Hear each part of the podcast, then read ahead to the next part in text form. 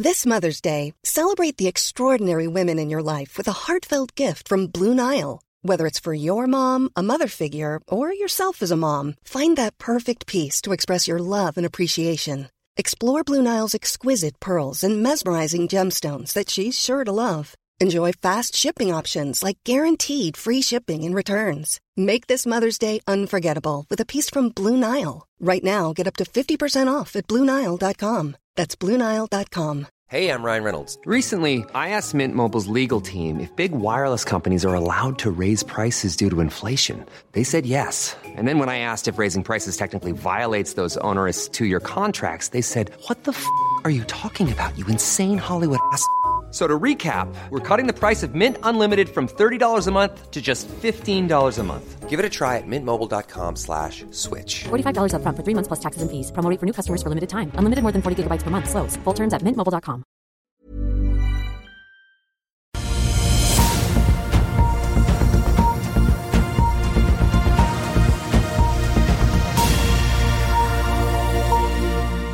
God morgen og velkommen tilbake til Børsmorgen fra Nordshipping på Nova Spektrum på Lillestrøm. Vi tar et par kjappe oppdateringer før vi går i gang. Europeiske futures indikerer en svak oppgang fra start, og SNP 500-indeksen endte opp 0,2% i går.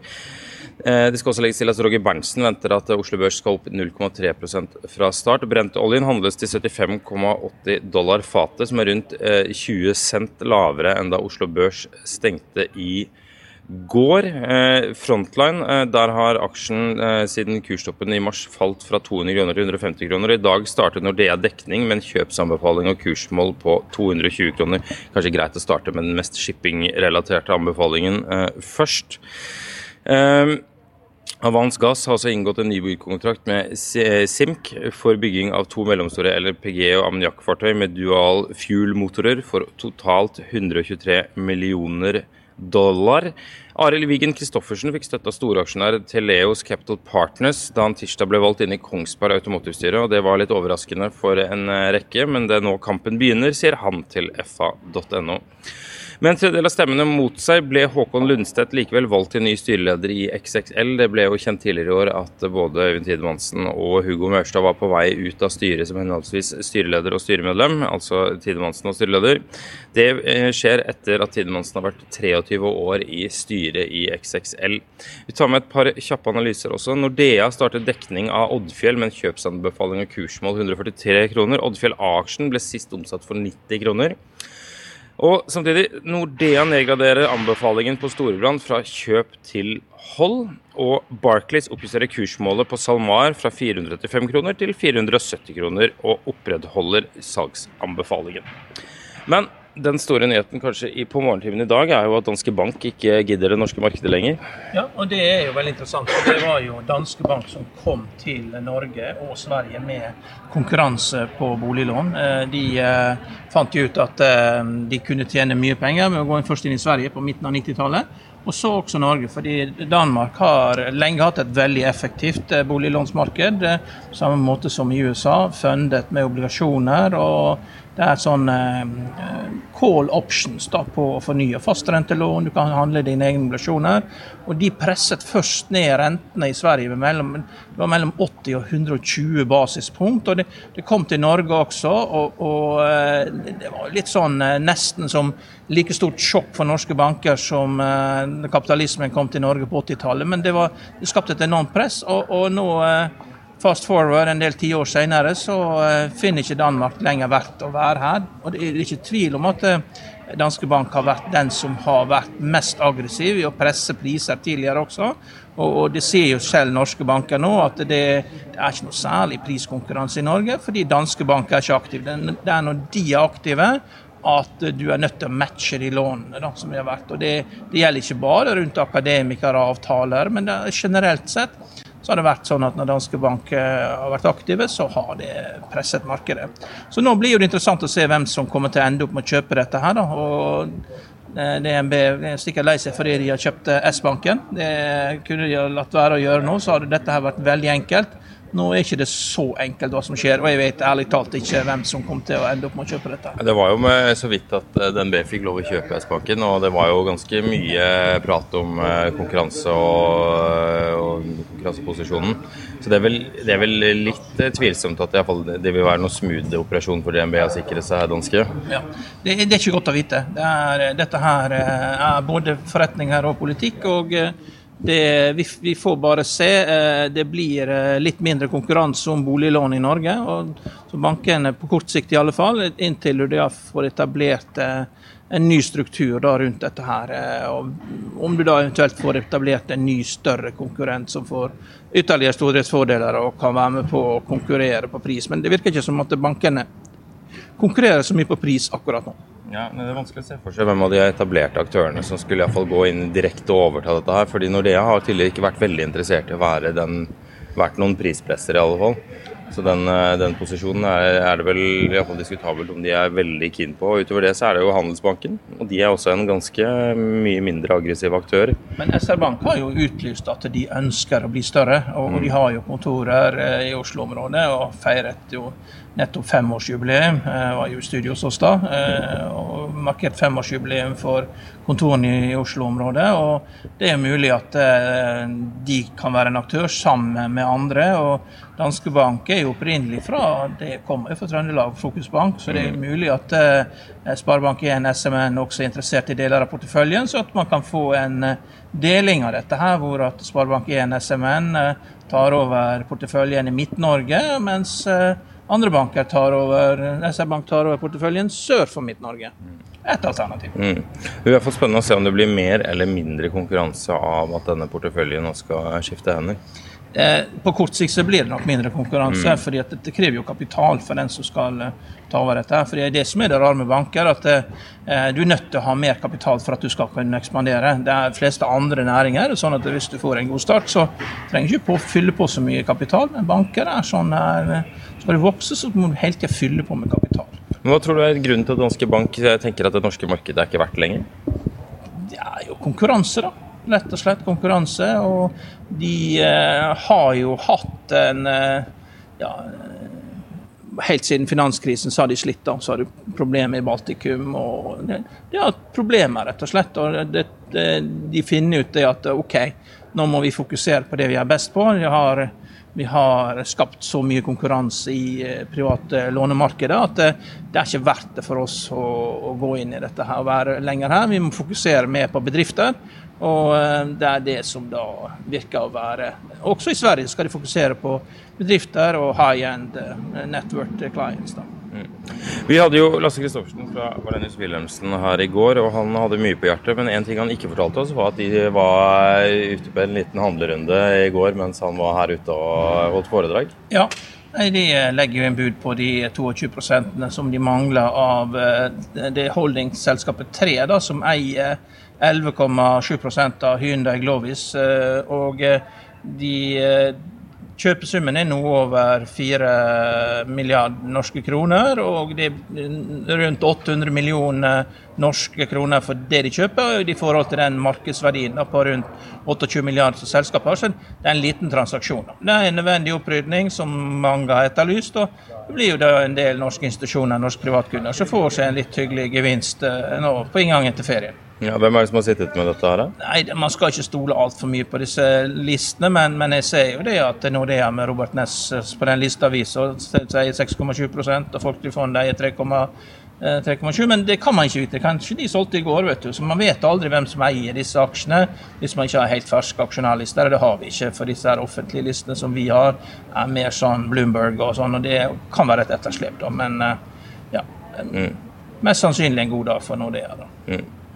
Ja, uansett, vi må videre. fordi i, eh, i går så fikk vi tak i Jaran Rustad, som også er ute på Nordshipping. Og tok en prat med han om eh, Og da var det Kjærlig Shipping, for han har litt eh, Det jeg tenker er kanskje ikke så godt nytt for shippingnæringen, men han selv mente at dette var positivt. Vi kan høre mer om hva Jaran Rustad sier rett etter dette.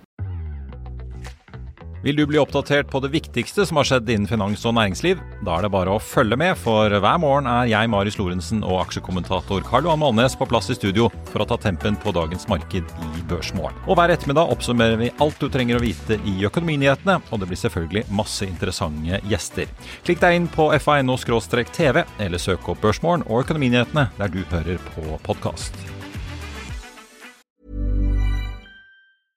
I'm Sandra, and I'm just the professional your small business was looking for. But you didn't hire me because you didn't use LinkedIn jobs. LinkedIn has professionals you can't find anywhere else, including those who aren't actively looking for a new job but might be open to the perfect role, like me. In a given month, over 70% of LinkedIn users don't visit other leading job sites. So if you're not looking on LinkedIn, you'll miss out on great candidates like Sandra. Start hiring professionals like a professional. Post your free job on linkedin.com/people today. I'll see you in court. Vi sier det ofte litt på spøk, men for deg som driver business, er det aldri moro å innse at du ikke har laget en 100% gyldig kontrakt. Du bør ikke risikere hele firmaet ditt fordi du synes dette med kontrakter er litt stress.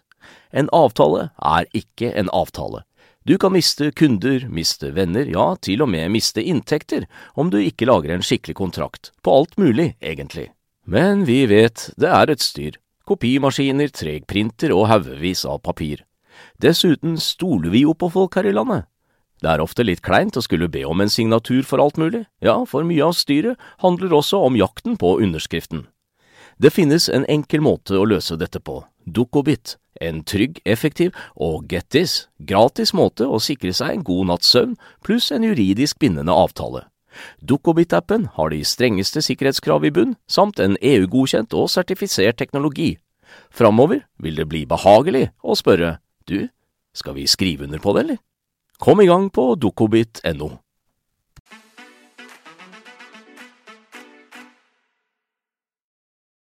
Da er vi tilbake. Dette opptaket gjøres jo eh, på tirsdag, fordi da er Jaran Rystad, Rystad Energy, på Nordshipping. Og vanligvis er det jo eh, oljemarkedet du blir bedt om å kommentere, men det er ikke, du, eh, det er ikke derfor du er her i dag, Jaran? Nei, det er det ikke. Det er jo shippingkonferanse, dette her. Ja, og Hva er det du skal snakke om i dag, da? Ja, jeg har akkurat vært på scenen sammen med si, kronprinsen og, og, og, alle de andre, og, og, og Siglic, og, modererte en sesjon der om egentlig den langsiktige fremtiden for eh, energimarkedet og shippingmarkedet. Og så skal jeg snakke en TED-talk nå etterpå med noe tilsvarende. Og så ja, enda et uh, tredje foredrag litt senere i dag. Du pleier jo å ha noen, noen, ganske dyptgående analyser, så det er tydelig at det er jo noe du har, eh, noen funn du har gjort her som, som du er her for å opplyse om. Hva er det, hva er det liksom, hovedtrekkene av det du tenker er relevant for det du eh, regner på som angår shipping? Ja, Det jeg syns er litt morsomt nå, da, det er, som er ganske nytt fra vår side, det er at eh, vi nå har gått fra å se på global energi til faktisk å se på, også i tillegg, da, eh, hele globale materialfloven. Altså, ikke sant? Alt som flyttes fra berggrunnen, enten i form av eh, malm og stein, eller i form av jordbruk, eller i form av olje og gass. Eh, og hvordan det videreforedles eh, til metaller, til kjemikalier eller til energiprodukter. Og til slutt hvordan det brukes av sluttbrukerne. Så det er egentlig all verdens materialflow. Det er omtrent 90 milliarder tonn materialer som flyttes hvert år. Og eh, shippingbransjen er en ganske viktig del av den bransjen for å flytte alle disse materialene. Og det er jo der vi har fått et nytt perspektiv egentlig på fremtiden, som jeg tror er ganske originalt. Eh, fordi at eh, i dag så er 40 av all uh, tonn mileage, som det heter, altså tonn ganger kilometer i, i verden, det er knytta direkte til det fossile energisystemet. Altså Det er rett og slett kull, olje og gass og LPG og bensin og diesel eh, og LNG. Så når, hvis vi er seriøse da, med at eh, vi skal gå mot en grønn fremtid uten fossilt brennstoff, og da snakker vi om et langsiktig perspektiv, 2050, 2060, 2070, ja, så vil de 40% av verdens eh, tonn mil forsvinne ut av markedet også. Og det er til og med følgeeffekter av det. Fordi at eh, denne fossile energibransjen den bruker også en 8-9% av verdens stål. Og av mange av kjemikaliene bruker den mye større andel eh, osv. Så, videre. så det er at når du da tar bort eh, Det er faktisk Hvis du ser på tonn som flyttes rundt omkring i verden, så selv om jeg sa 90 milliarder, så er det bare ca. 35 milliarder av de som flyttes mellom kontinenter. Eh, og da er, eh, da er også fossilt halvparten av det. Så, så det er Egentlig er det en revolusjon for hele den globale logistikkjeden. At det går fra molekyler i energien til elektroner. For elektronene veier ingenting. Og det er denne revolusjonen jeg syns er ganske spennende å beskrive. Eh, og, og, Derfor så uh, sier vi nå at det, fremtid, det fremtidige markedet i, i, verden er ikke bare clean, men også lean. Ikke sant? Med lean mener vi også mindre materialer som skal flyttes på, rett og slett. Uh, du er sikkert kjent med forfatteren Vaclav Smil, ja. Bill Gates' favorittforfatter. Ja. Han ser jo at det er fire ting vi ikke klarer oss uten. Det er ammoniakk, det er sement, ja. det er stål og plastikk. Og han sier jo at uh, hele jordkloden er jo som en klode som flyter på naturgass. Og, og hvis vi bare aksepterer at uh, naturgassen den må vi bruke til det beste den er, fordi at den er der likevel. Og ja. uh, blir regnestykket mye enklere å gjøre hvis man aksepterer naturgass som en del av dette? her? Nei, altså jeg tror at um, naturgass har en veldig viktig rolle for å fortrenge kull raskt nå de, siste, de neste to tiårene. Så, uh, så, det er jeg på en måte enig med Vaslav Smil i. Og ellers vil jeg si at uh, herr Smil han er veldig god til å analysere fortiden. Uh, jeg mener at han ikke er fullt så god til å analysere fremtiden. Og at han undervurderer hastigheten i det teknologiskiftet vi nå står midt oppi. Eh, så jeg tror faktisk at verden og verdens energisystem vil forandre seg fra å være basert på kjemi, nemlig molekyler, til å være basert på fysikk, som er elektroner. Også et solcellepanel. Det er jo ikke noe kjemi i det hele tatt. Det er bare fysikk ikke sant, som, som lager eh, Silisium må du ha. Silisium må du ha. Og, og, og silisium, eh, litium eh, til batterier, sølv de, det er en del materialer som du må opp til tidoble etterspørselen etter. Og Det er jo en viktig del av denne globale materialbalansen vi nå jobber med. Eh, for å vise nøyaktig hvor mye trenger du av hver av disse stoffene for å erstatte den energien som produseres av olje, gass og kull, eh, på en eh, Ja, slik at du får den energien sluttbrukerne trenger. da. Og også nøyaktig tempoplan for hvordan dette kan skje. Så Det er jo de scenarioene vi jobber med. Å beskrive både altså behovet for disse råstoffene eh, år for år fremover. Hvor de skal prosesseres, hvor, skal, eh, hvor malmen skal tas ut. Og hvordan de skal da produseres til eh, sluttbrukerapplikasjonene, som er f.eks. batterier eller elbiler. Da, eller ja. solcellepaneler. Ja. Ammoniakk er jo en sentral vare i dette. Det skal ja. både brukes som drivstoff, men det er også veldig viktig for, for å produsere mat. og eh, Gjødsel. ja. Gjødsel, ikke sant? Ja. Uten, uten ammoniakk og uten gjødsel så halverer vi jo eh, matproduksjonen. Det er jo veldig ja, ja. vanskelig. Vi, vi, mangler jo energi. Ja, ja. Alt, eh, alt det er, grønne hydrogen er jo vanskelig å skape, for det er, jo, det er jo dyrt å skape dette her. Ja. Nei, så det er helt enig med deg at ammoniakk kommer til å få økt betydning fremover. Eh, så nå er det vel nå 180 millioner tonn eller noe sånt, og det kan godt eh, både fire- og femdoble seg eh, fremover. Og det er mange kilder til å produsere ammoniakk. I dag er det jo naturgass som er ca. 70% og kull som er ca. 30% Men jeg tror at vi både kan få til blå ammoniakk, sånn som man har begynt med i Finnmark, eller jobber med der, ikke sant? Med hvor du fjerner karbondioksiden når du produserer det fra naturgass. Men på sikt så vil du i et fornybarsystem ha perioder hvor det i det fornybarsystemet er altfor mange elektroner. Eh, når det blåser kraftig og du har 25 000 vindturbiner i Nordsjøen i 2050, så vil du ha behov for å utnytte de elektronene til et eller annet. For markedet vil ikke spørre etter de. Og da er jo grønn hydrogenproduksjon en, en god idé. Og uh, måten å få lagret det på og få tradet det globalt, det er jo i form av ammoniakk det er en eh, billigere og bedre måte enn å gjøre det som flytende hydrogen f.eks. Er eh, atomkraft en del av løsningen her? Det har vært en kraftig debatt rundt det, litt pussig syns jeg, i Norge. Eh, altså, hvis eh, alle de prosjektene vi har sett på, tyder på at atomkraft er en svært dyr energikilde. Det ene eh, modulære kraftverket som nå kanskje skal realiseres i Utah, men som fremdeles ikke er investeringsbeslutning tatt. Der ligger det nå på 130 dollar eh, per megawatt-time. Altså 1,3 kroner, ja, kroner per kilowatt-time. Så, og de får støtte av IRA, eh, men de har ennå ikke besluttet det. Eh, så jeg sier, eh, pleier å si liksom, vis meg et, et vellykket og konkurransedyktig atomkraftverk, så kan vi begynne å snakke. For vi må basere våre råd, vår rådgivning på faktiske data. Eksisterende teknologier. Så Sånn som jeg ser det, så er det en enorm teknologirisiko, rett og slett. Og, og skal, nei, atomkraft skal ikke bare konkurrere med sol og vind i dag, men i og med at det tar ti år å bygge et atomkraftverk, i beste fall, eh, med de kostnadene på 2030-tallet. Og da tror jeg eh, vi, de sliter med å konkurrere, når du ser på den halveringstiden på kostnader det har vært på sol og vind. Ja. Konkret så har jo Mersk satsa på metanol. De har jo egne terminaler. Det er containerskip, det er gigantisk rederi. Eh, hvor langt tror du de kommer med den teknologien? Er det mange andre som kommer til å følge det?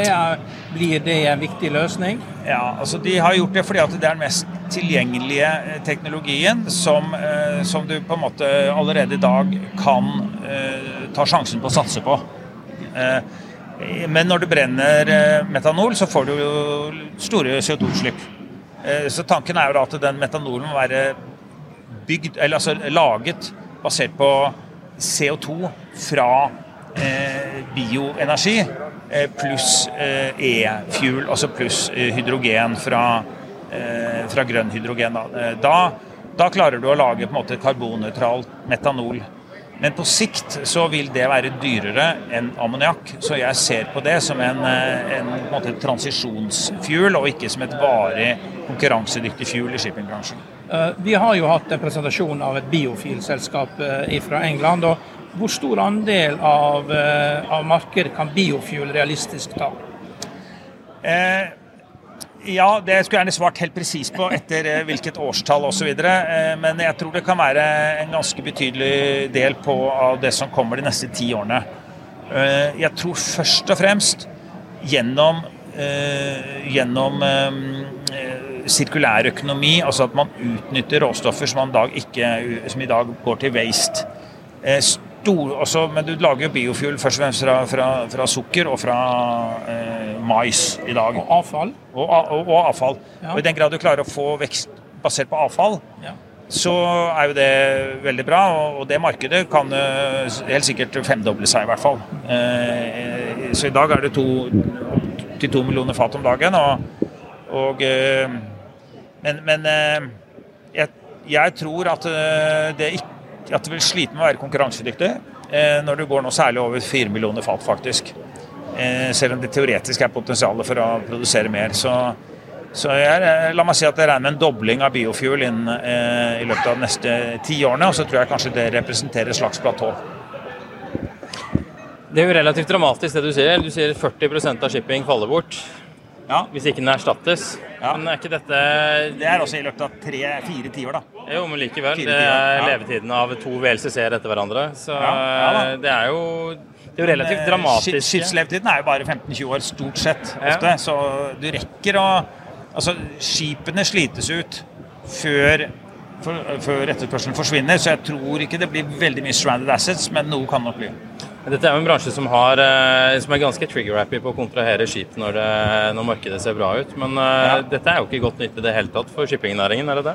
Jo, jeg tror eh, eh, ikke sant? Det er det samme som med oljebransjen, at folk liksom er nervøse for at man ikke skal investere lenger i det. Men oljebrønnene faller jo med 25% i året. Så, så, vi sier at du må, kan investere fremdeles i opptil 30 000 oljebrønner i året i to tiår fremover. Og Likevel så vil eh, nedgangen i produksjonen fra de være raskere enn etterspørselen forsvinner, selv om etterspørselen forsvinner raskt. Det raskeste vi ser nå er jo veldig interessant. faktisk, Vi sitter jo midt oppi det her, i Oslo. På bensinstasjonen i Oslo, som har verdens høyeste penetrasjon av elbiler, så har det vært 10% nedgang i året de siste fire årene mm. i bensin, eh, bensin- og dieselsalg. Og Det er det vi vil se eh, globalt utover på 2030-tallet. Eh, når, når elbilsalget stort sett da nærmer seg 100 av, av nysalget. Men vi har jo en stund igjen der, fordi i Norge så er elbiler eh, uten avgift, og vanlige biler har nesten 100% avgift. Det er jo ja. omvendt i de fleste andre land. Ja, ikke, kanskje ikke 100% avgift, men der er det moms Nei, på allerede dyre objekter. Så det er jo gravitasjonen, alt det er, er økonomien. Eh, gravitasjonskreftene liksom på hva som virkelig er det som slår gjennom. Og per i år så vil det i de fleste geografier så er, så er rett og slett kost of ownership uten subsidier billigere for elbiler enn for bensinbiler. Og Det var jo absolutt ikke tilfellet for ti år siden. så Derfor har jo Norge gått foran med å gjøre politiske hva skal jeg si, subsidier som, som støtter denne bransjen. Men nå har elbilteknologien kommet så langt at den konkurrerer veldig fint helt på egen hånd. og Derfor ser vi også en eksplosiv økning globalt nå. Helt til slutt, jeg må spørre et kjapt spørsmål om oljemarkedet. Tror dere fortsatt på en priskollaps neste år? Ja, men du kan si dess mindre Nå har jo oljemarkedet vært eh, egentlig ganske svakt ganske lenge. Eh, selv om det målt i norske kroner er helt vidunderlig. Ikke sant? Det er jo like høy oljepris nå som det var på 2012, 13 og 14 i Norge, hvis du ser i, i kroner. Eh, ikke sant? At det er oppe i 700-800 kroner. Eh, så Men, men eh, Og dette er en pris som veldig mange aktører tjener veldig gode penger på. Fremdeles. Selv om vi ikke er på det fjorårsnivå. Eh, og det vil si at alle disse aktørene gjør, borer nå alt de kan. Vi ser at riggene er utsolgt både til havs og til lands, stort sett. Og effekten av det ser du typisk 12-18 måneder etter at de riggene er fully utilized. Og det er mindre leting nå enn vanlig. Så de brukes til å bore opp nye brønner. Eh, så den oljen kommer til markedet, og du ser nå OPEC kutter jo til og med nå fordi de, de, de, ser at eh, ellers så er det en fare for et eh, svakere oljemarked enn eh, forventet. Så hvis oljemarkedet kollapser fortere enn vi trodde, så vil det kollapse mindre til neste år. Mm. Men hvis ulike hendelser nå gjør at det blir sterkt i sommer, som med full comeback på aviation og med full comeback av Kina, som er et scenario som kan skje, at det blir trangere i oljemarkedet, eh, så vil det bli enda mer investeringer i nye brønner, som gjør at det kommer enda eh, klarere nedgang mot slutten av neste år. Gøran Lystad, tusen takk for at du kom her til oss. Bare for å oppdatere kjapt. Doff faller ca. 11 fra start i dag. Utover det så er det ikke sånn veldig mye utvikling utover eh, de aksjene vi allerede har snakket om. Jeg bare minner om at vi er tilbake med mer Nordskippingstoff både i dag og i eh, morgen. Økonominyhetene 14.30 eller fa.no slash TV. Podkast der du hører podkast, Økonominyhetene eller Børsmorgen og det du søker opp da. Og så er det bare å tune tilbake igjen etterpå.